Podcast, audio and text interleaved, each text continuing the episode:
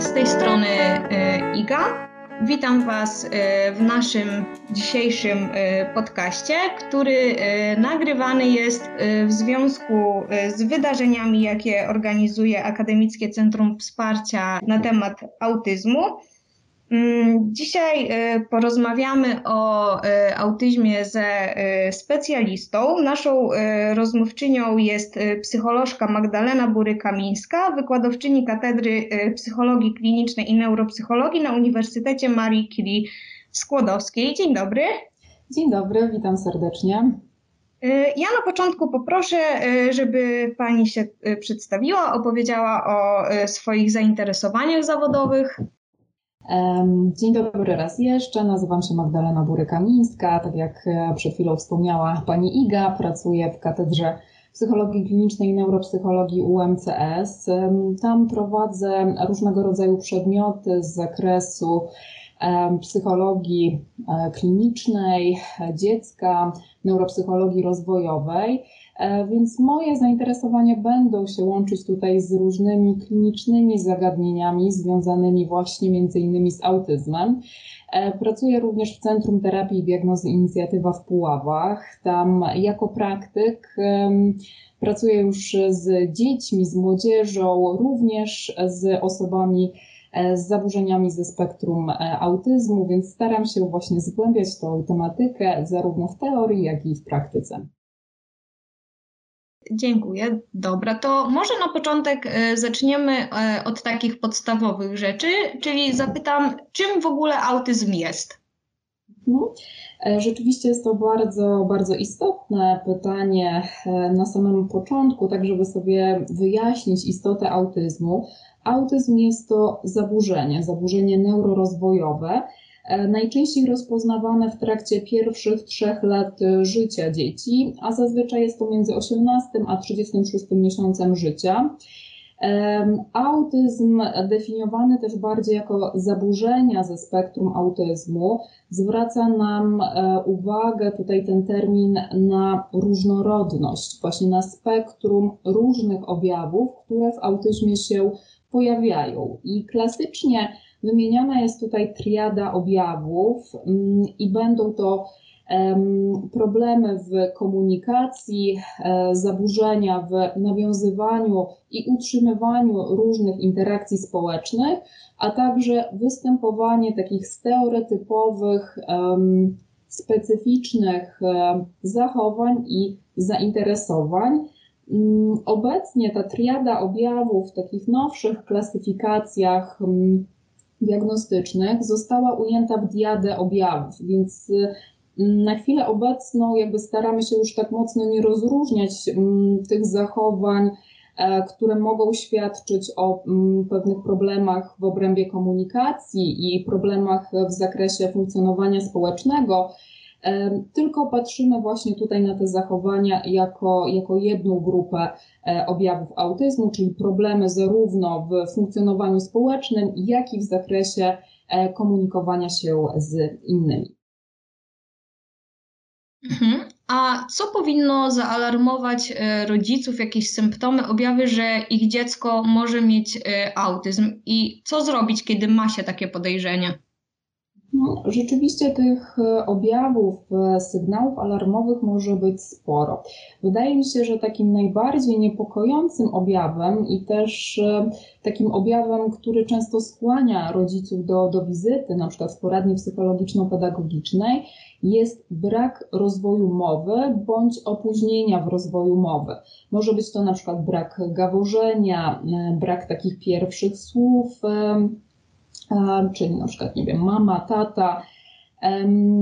Poza właśnie tą sferą taką werbalną, również w aspekcie komunikacji niewerbalnej, e, pewien brak zachowań e, może być niepokojący, jak na przykład brak gestów, brak gestu papa na pożegnanie, brak e, wskazywania palcem, jeżeli dziecko na przykład jest zainteresowane jakimiś ciekawymi przedmiotami, obiektami, niepokojący może być również brak nawiązywania kontaktu wzrokowego i utrzymywania tego kontaktu wzrokowego w jakiejś interakcji społecznej, w trakcie rozmowy, w trakcie zabawy. czy w trakcie jakiejś takiej aktywności stolikowej, w trakcie jedzenia, czy na przykład w trakcie kąpieli.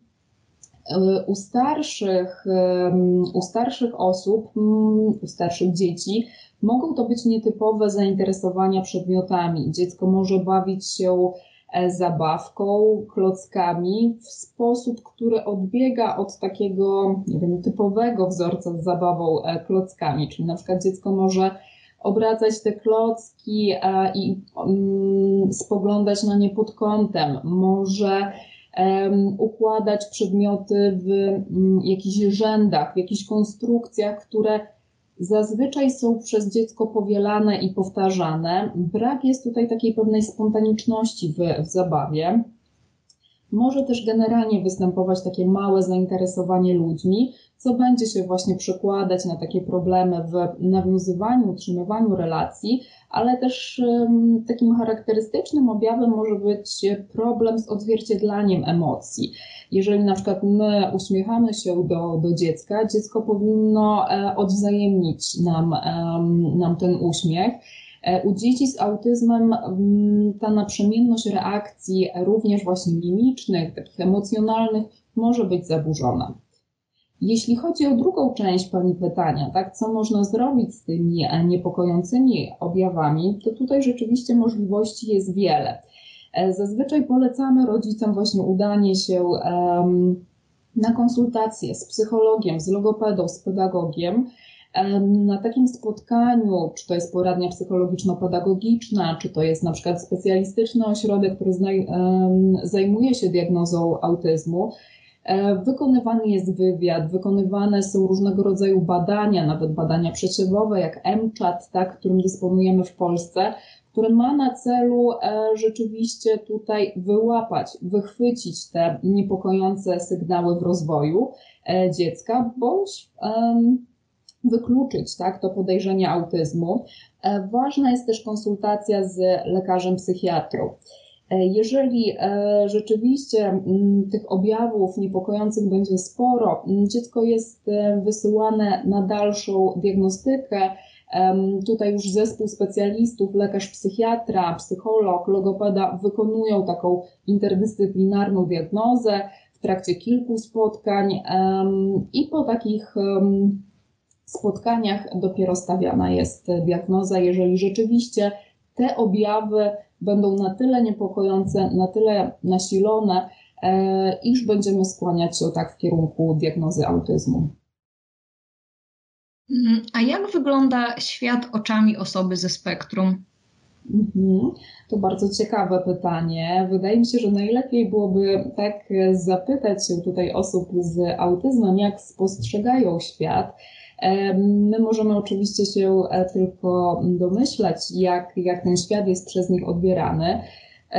Przede wszystkim chciałabym mm, na samym początku powiedzieć, że osoby z autyzmem są takie jak my, e, tylko trochę inny sposób, odmienny sposób mogą właśnie postrzegać rzeczywistość. E, bardzo często u osób z zaburzeniami ze spektrum autyzmu występują zaburzenia przetwarzania sensorycznego, przetwarzania zmysłowego. Trochę inaczej właśnie odbierają różnego rodzaju bodźce wzrokowe, słuchowe, dotykowe. Na przykład niektóre dźwięki mogą być dla nich za głośne, za ciche, czasami może drażnić je jakieś intensywne światło, Mogą mieć też takie osoby problem z takim selekcjonowaniem różnych bodźców. Na przykład, jeżeli przybywają w jakimś głośnym, zatłoczonym miejscu, może to być sklep, mogą mieć problem z rozumieniem mowy w hałasie. To środowisko może być dla nich zbyt takie obciążające pod względem właśnie mnogości różnych bodźców wzrokowych, słuchowych, co jeszcze, to na przykład w kwestii dotyku możemy zauważyć różne nietypowe zachowania, na przykład e, ubrania bądź dotyk może być zbyt drażniący dla, dla osób z e, e, autyzmem, zaburzeniami ze spektrum autyzmu. Czasami na przykład przytulenie, głaskanie może takim osobom sprawić wręcz cierpienie, ponieważ właśnie jest to dla nich zbyt intensywne, zbyt intensywnie odczuwają na przykład właśnie bodźce e, dotykowe. Jeżeli jeszcze chodzi o takie postrzeganie świata przez osoby e, z zaburzeniami ze spektrum autyzmu, to tutaj polecam różne takie relacje piśmienne osób z e, autyzmem, na przykład Temple Grandin spisała jakby swoje doświadczenia w książce Byłam dzieckiem autystycznym, czy mm, Donna Williams w książce Nikt, Nigdzie, niezwykła autobiografia autystycznej dziewczyny.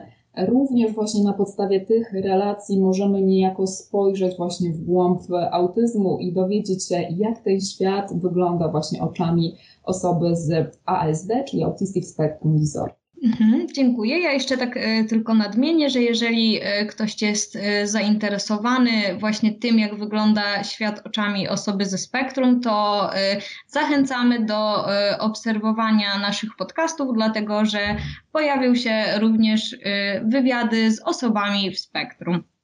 O, świetny pomysł.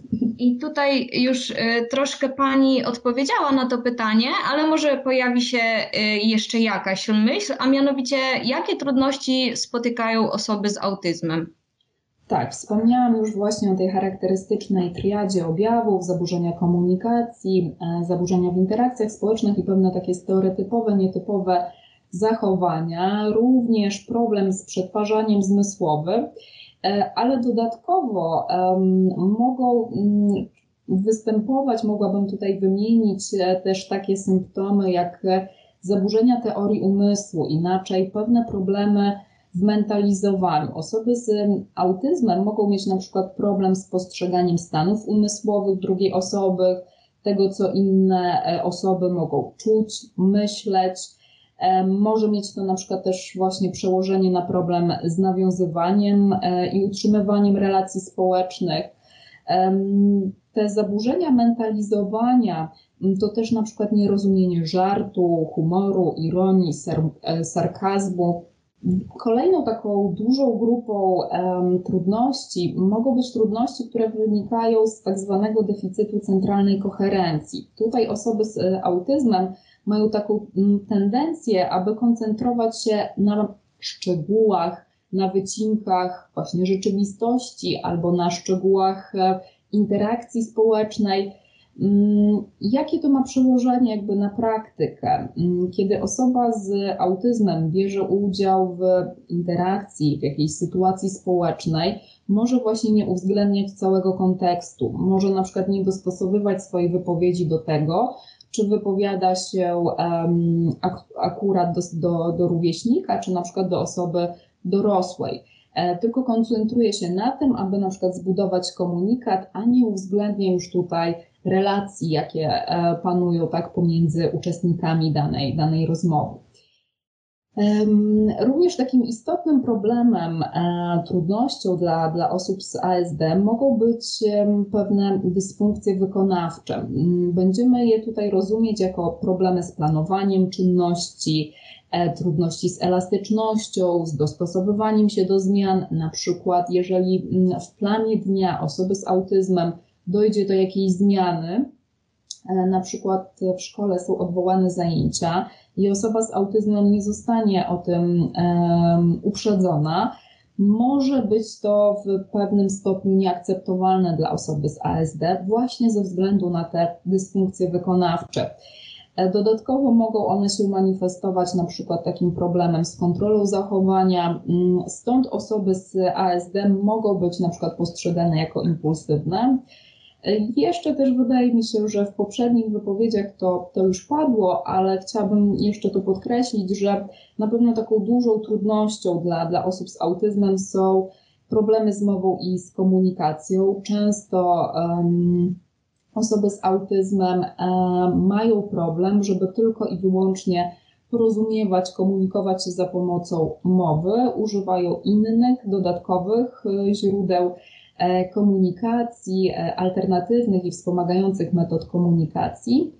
E, co też istotne, osoby z autyzmem to też osoby mm, z niepełnosprawnością intelektualną, więc w grupie osób z ASD spotykamy też osoby z niepełnosprawnością intelektualną, która też, jak wiemy, będzie nieść ze sobą różnego rodzaju konsekwencje i trudności. Dlatego e, rzeczywiście no wiele wyzwań tutaj stoi przed osobami z e, autyzmem, aby mogły w jakiś sposób tak poradzić sobie, skompensować sobie różnego rodzaju problemy, deficyty, ale też wyzwania stoją, wydaje mi się, przed, przed terapeutami, tak, aby e, w jak najlepszy, najbardziej korzystny sposób umieli pomóc osobom z autyzmem. Mhm. To właśnie znając już te wszystkie y, problemy, trudności, z jakimi muszą mierzyć się osoby ze spektrum, to jak rozmawiać z osobą z autyzmem, żeby jej ten kontakt, tą interakcję najłatwiej ułatwić po prostu, najbardziej jak to mhm. możliwe? Wydaje mi się, że mm, komunikaty kierowane do osób z autyzmem trzeba dostosowywać do ich możliwości takich poznawczych, intelektualnych e, i do możliwości komunikacyjnych. Generalnie można powiedzieć, że zaleca się używanie krótkich, prostych komunikatów w razie potrzeby. E, trzeba pamiętać o tym, aby powtórzyć naszą wypowiedź, pytanie E, możemy korzystać z dodatkowych ścieżek komunikacji, stąd nasza mowa może być na przykład poparta obrazkiem, gestem, komunikatem zapisanym na kartce, na tablicy. E, czasami też osoby z autyzmem potrzebują jakiejś podpowiedzi. Może być to też właśnie podpowiedź e, ze strony drugiej osoby, na przykład ze strony nauczyciela wspomagającego. Mówiłam też o tym, że osoby z autyzmem to też osoby, które są użytkownikami AAC, czyli użytkownikami alternatywnych i wspomagających metod komunikacji. Wtedy my, jako osoby rozmawiające e, z osobą z autyzmem, która posługuje się na przykład książką komunikacyjną, która posługuje się specjalnym tabletem z oprogramowaniem Mówik, musimy być bardziej takim aktywnym partnerem komunikacji. Na przykład to my stwarzamy jakąś interesującą sytuację komunikacyjną, e, na przykład zabawę i w trakcie tej zabawy mobilizujemy, zachęcamy naszego podopiecznego, tak, osobę z autyzmem do komunikacji. Na przykład poprzez dopominanie się interesujących rzeczy albo poprzez dopominanie się różnego rodzaju przedmiotów, które E, osoba z autyzmem potrzebuje w danym momencie do, do zabawy. W taki sposób e, zachęcamy osoby z ASD do takiej aktywniejszej postawy w komunikacji. Czy autyzm to zawsze wysoka inteligencja? No, wydaje mi się, że to jest taki jeden, jeden z mitów, które należałoby obalić. Nie, odpowiedź na to pytanie brzmi e, nie, e, ponieważ autyzm to jest spektrum zaburzeń, czyli wachlarz tak różnych możliwości, jeżeli chodzi o kierunki rozwoju osób z autyzmem. Osoby mm, z autyzmem mogą być e, również osobami niepełnosprawnymi intelektualnie, ale też jakby na drugim biegunie mogą pojawiać się osoby o szczególnych e, wyspowych zainteresowaniach i uzdolnieniach, które właśnie będzie cechować wysoki poziom IQ. E, warto tutaj, wydaje mi się, też wspomnieć o tym, że jakby obok zaburzeń ze spektrum autyzmu wymieniany jest też zespół Savanta. On charakteryzuje osoby o niepełnosprawności intelektualnej przy wybitnych umiejętnościach, zdolnościach, na przykład przy bardzo dobrze rozwiniętej fotograficznej pamięci wzrokowej, albo może też cechować takie osoby, które potrafią wykonywać bardzo skomplikowane operacje arytmetyczne w pamięci. Dlatego ta wyjątkowa, wysoka inteligencja może, ale nie musi występować u, u każdej osoby z e, autyzmem.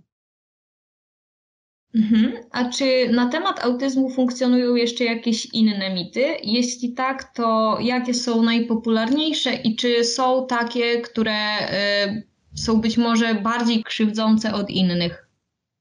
E, generalnie wokół e, szeroko rozumianej niepełnosprawności jest moim zdaniem wiele mitów. Mm, takim jednym e, z nich, jeżeli chodzi o autyzm, może być to, że osoby z autyzmem nie potrafią mówić. Nie, mm, inny mit to na przykład to, że osoby z autyzmem nie potrafią się przyjaźnić, nie potrafią się bawić, albo są osobami zamkniętymi w sobie. Chociaż w ostatnich dziesięcioleciach wydaje mi się, że wiele się zmieniło, jeżeli chodzi o takie społeczne postrzeganie autyzmu. Jest bardzo dużo kampanii społecznych, akcji psychoedukacyjnych obalających mity. Tutaj akcja właśnie ze strony Akademickiego Centrum Wsparcia jak najbardziej właśnie ma tutaj na celu szerzyć taką prawidłową, e, poprawną wiedzę na temat zaburzeń ze spektrum autyzmu. Są słynne kampanie, takie medialne, mm, również prowadzone przez e, fundacje zajmujące się osobami z autyzmem, na przykład Fundacja Synapsis mm, swego czasu miała taką kampanię z udziałem mm, sławnego aktora Bartka Topy, e, który udawał osobę z autyzmem. On udał się do sklepu i prezentował różnego rodzaju e, zachowania, które możemy również zaobserwować tak u osób z ASD. Mm, były to zachowania nietypowe, stereotypowe. E, I na drugi dzień e, w mediach pojawiły się różnego rodzaju właśnie doniesienia na temat tych nietypowych zachowań aktora świadczących na przykład o tym, że był on pod wpływem jakichś środków psychoaktywnych albo był on pod wpływem alkoholu. Nikt nigdzie nie napisał, tak, że mogłaby być to kampania społeczna. Dopiero po czasie okazało się tak, że to było wszystko e, w ramach tutaj budowania świadomości na temat autyzmu. I ten jakby taki feedback, z którym spotkał się Bartek Topa w mediach. Wydaje mi się, że to pokazuje właśnie taką skalę problemu, jak dużo jest jeszcze do zrobienia, jeżeli chodzi o szerzenie wiedzy na temat autyzmu, aby właśnie przeciwdziałać tutaj pojawieniu się i, i szerzeniu e, różnych tak, mitów e, na temat ASD. Miejmy nadzieję, że te mity będą odchodzić coraz mhm. szybciej do lamusa. Y, a w jakim zawodzie może pracować osoba dorosła z autyzmem? Um, tutaj wydaje mi się, że wszystko zależy od y, umiejętności osoby z e, autyzmem. E, jeżeli miałabym wskazać na takie ogólne zasady, mm, to powinna to być praca powtarzalna, schematyczna, przewidywalna, oparta na wykonywaniu pewnych takich wyuczonych sekwencji czynności. Na przykład mogłaby być to praca biurowa, która polegałaby na segregowaniu materiałów biurowych, adresowaniu kopert i tym podobne. Może to być też e, praca związana na przykład z gastronomią, praca, która by polegała na wykonywaniu jakichś e, czynności tak, związanych z e, gotowaniem, przygotowaniem posiłków, wydaje mi się, że osoby z ASD mogłyby być również tutaj um, związane z taką branżą produkcyjną, mogłyby się specjalizować właśnie w wytwarzaniu różnego rodzaju produktów, na przykład gadżetów promocyjnych, kubków, koszulek, e, ponieważ jest to pewna, tak jak wspominałam, sekwencja czynności, która jest rutynowa, e, powtarzalna dla osoby z ASD. Ale oprócz tego, co przed chwilą wymieniłam, e, osoby z autyzmem e, to także osoby właśnie o jakichś wybitnych uzdolnieniach, umiejętnościach. Na przykład Temple Grandi jest doktorem zootechniki, e, tak, osobą, która pracuje właśnie ze zwierzętami, ale też na przykład specjalizuje się w wystąpieniach, wystąpienia na, na TEDzie więc wydaje mi się, że możemy tutaj wskazać na pewne mm, takie prawidłowości, predyspozycje, jeżeli chodzi o pracę osób z ASD, ale tak naprawdę wszystko tutaj e, zależy od, od umiejętności danej, danej osoby i e, jej zainteresowań. A czy organizowanie zabawy dziecku z autyzmem powinno uwzględnić jakieś e, szczególne sytuacje, sposoby zabawy? Jeśli tak, to jakie? Jeśli chodzi o zabawę, to rzeczywiście u dzieci z autyzmem jest to czynność, sfera, która wymaga dużego wsparcia. Przede wszystkim warto pokazać dziecku z autyzmem takie funkcjonalne zastosowanie przedmiotów. Nie tylko ich taką mechaniczną manipulację, jak nie wiem, potrząsanie, przekładanie z ręki do ręki, układanie w jakiś specyficzny sposób, ale właśnie też inne pomysły na to, jak bawić się na przykład nie wiem, lalkami, jak bawić się klockami. E, kolejnym e, pomysłem na to, jak uczyć osoby z ASD zabawy, co moglibyśmy tutaj wprowadzić, mm, to wydaje mi się, będą to takie proste zabawy naprzemienne, uczące relacji, współdziałania w parze, w zespole i na dłuższą metę takie proste zabawy naprzemienne będą też uczyć interakcji pomiędzy uczestnikami tej, tej zabawy. E, kolejny etap e, w rozwoju zabawy będzie to takie uczenie prostych zabaw e, tematycznych w oparciu o jakiś plan aktywności, na którym przedstawione są właśnie kolejne etapy tego, na przykład jak możemy się bawić w sklep, czy mm, w oparciu o wideotreningi, gdzie dziecko na nagranym filmie widzi, jakie są kolejne etapy, jakie są e, kolejne kroki zabawy w sklep.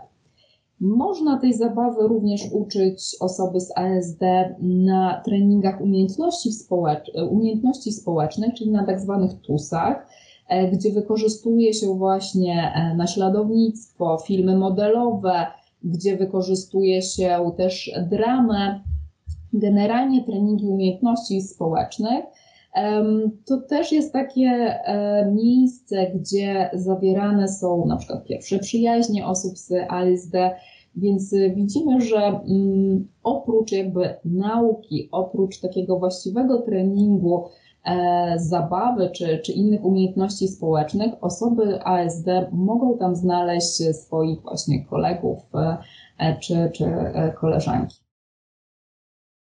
A dlaczego nie powinno się mówić osoba autystyczna? E, cieszę się, że to pytanie się pojawia, bo rzeczywiście e, w takiej mowie, potocz, mowie potocznej e, spotykamy się z takimi określeniami jak, nie wiem, autystyk, schizofrenik. Teraz nawet spotkałam się z takim określeniem jak fobik.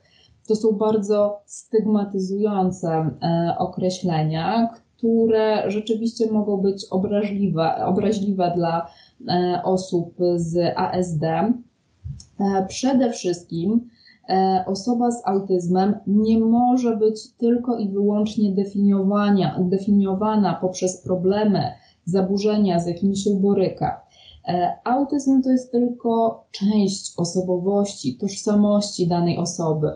E, osoba z zaburzeniami ze spektrum autyzmu ma też e, swoje pasje, zainteresowania, poglądy, pełni szereg różnych innych ról społecznych. Jest e, uczniem, córką, synem, koleżanką, kolegą z ławki, dlatego mówienie o kimś autystyk jest stwierdzeniem bardzo stygmatyzującym.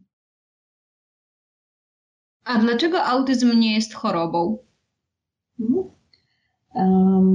Też już dzisiaj o tym mówiłyśmy, ale wymaga to rzeczywiście takiego e, podkreślenia, że autyzm to jest zaburzenie neurorozwojowe, które towarzyszy osobie z autyzmem przez całe życie.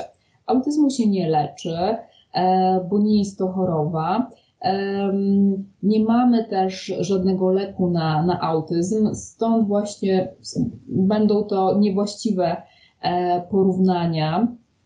Autyzm z kolei poddaje się oddziaływaniom terapeutycznym, które mają na celu uczenie osób z autyzmem e, jakichś nowych, adaptacyjnych zachowań, bądź na przykład redukowanie takich zachowań, e, które są w ich środowisku niepożądane. Mm, dlatego wydaje mi się, że właśnie postrzeganie autyzmu jako choroby może być takim kolejnym, kolejnym mitem, który warto byłoby obalić.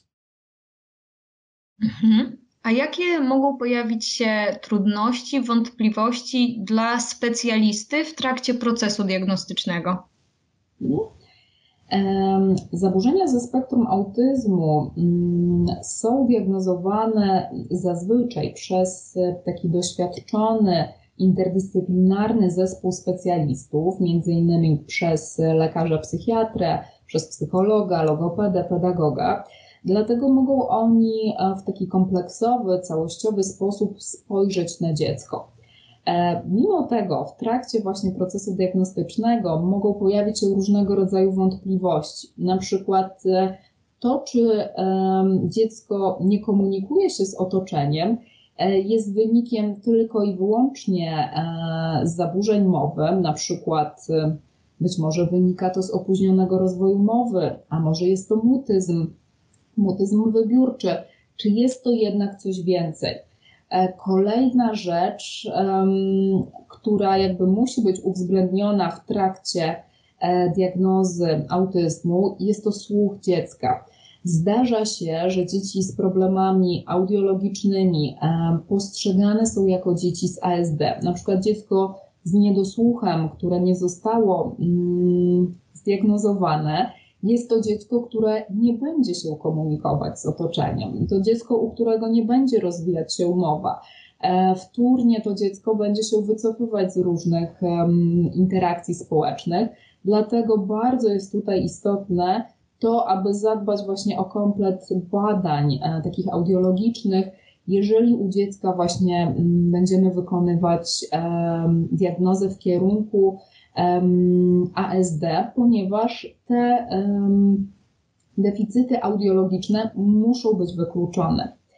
E, inna kwestia, która może się również okazać taka problematyczna w trakcie diagnozy, która może dostarczać różnych wątpliwości, mm, to na przykład objaw braku wykonywania poleceń. Zdarzają się tak rodzice, którzy e, przychodzą do specjalisty i mówią, że ich dziecko e, nie reaguje na nakierowane do nich polecenia i nie wiedzą, czy jest to właśnie kwestia e, pewnych trudności wychowawczych, nieposłuszeństwa, czy mogą być to na przykład problemy wskazujące na zaburzenia e, ze spektrum autyzmu. Mm, także to moim zdaniem będą takie najbardziej jakby typowe, charakterystyczne objawy, które mogą wprowadzać mm, diagnostę w mm, może nie tyle zakłopotanie, e, co w pewne właśnie takie problemy przy, przy stawianiu jednoznacznej diagnozy. Czy to prawda, że dziewczynki rzadziej otrzymują diagnozę autyzmu, a ich odsetek e, w tej grupie e, osób z tym zaburzeniem jest niedoszacowany? Z czego to wynika i jakie to może nieść za sobą konsekwencje? Mhm. E, rzeczywiście, tradycyjnie mówiono o tym, że autyzm występuje mm, cztery razy częściej u chłopców w porównaniu do dziewczynek. Chociaż obecnie twierdzi się, że diagnozowanie dziewczynek z autyzmem może być trochę trudniejsze, mm, ponieważ spotyka się u nich trochę inny typ zachowań niż u chłopców. E, na przykład u dziewczynek często występującymi stereotypowymi mm, zainteresowaniami e, są zainteresowania lalkami, ubiorem, e, zainteresowania piosenkami.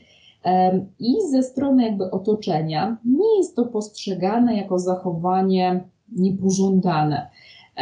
Ale, a jak na przykład chłopcy fiksują się na numerach, rejestracjach samochodów, na liczbach, to jest z kolei już bardziej jakby taki niepokojący objaw dla, dla otoczenia i częściej e, właśnie te nietypowe zainteresowania chłopców będą mobilizować rodziców do tego, żeby udać się do specjalisty, niż nietypowe zainteresowania dziewczynek. Dodatkowo mm, dziewczyny stosują bardzo dużo mechanizmów kompensacyjnych, potrafią maskować e, doświadczane mm, trudności. Ponadto posiadają wysokie umiejętności obserwacji i naśladowania innych osób w porównaniu właśnie tutaj do, do populacji chłopców. Co więcej, w wieku szkolnym dziewczyny często zawierają przyjaźnie, będzie to przyjaźń na przykład z jedną koleżanką, która niejako pełni taką rolę osobistej tłumaczki, osobistego pomocnika, dziewczyny z ASD mm, albo właśnie takiego reprezentanta e, osoby z ASD w grupie, w grupie rówieśniczej. Ciekawe w tym zakresie są również badania dr Agnieszki Rynkiewicz. One wykazały, że u dziewcząt mniejszą liczbę cech takich behawioralnych autyzmu oraz brak lub mniejsze natężenie cech autystycznych w obrębie komunikacji werbalnej i gestykulacji możemy tak, tak mamy mniejsze natężenie e, tych cech w porównaniu do populacji chłopców. Mm, I co się okazało, że mm, e, badanie przy użyciu ADOS-2, takiego mm, jakby złotego standardu, jeżeli chodzi o diagnostykę autyzmu, e, nie potwierdzało u dziewcząt diagnozy e, zaburzeń ze spektrum autyzmu, mimo że wywiad kliniczny, wywiad medyczny, ale też jakby obraz objawów wskazywałby na tą diagnozę, czyli Tutaj widzimy, że nawet wręcz doskonałe narzędzie do diagnozy autyzmu może mieć trudności, jeżeli chodzi o wykrywanie cech autystycznych w populacji dziewcząt.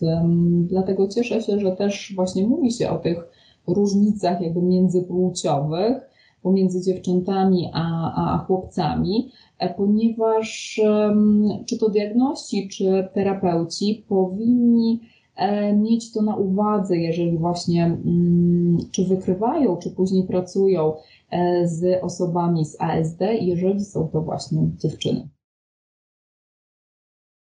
I na koniec y, ostatnie pytanie. Y, jaki tryb nauczania jest lepszy dla osoby w spektrum? Czy indywidualny, czy tradycyjny? I też w odniesieniu do obecnej sytuacji, czy takim osobom lepiej były, gdy, było, gdy normalnie mogły chodzić do szkoły, czy lepiej czują się, kiedy jest to nauczanie zdalne? Mhm. To oczywiście wszystko e, zależy.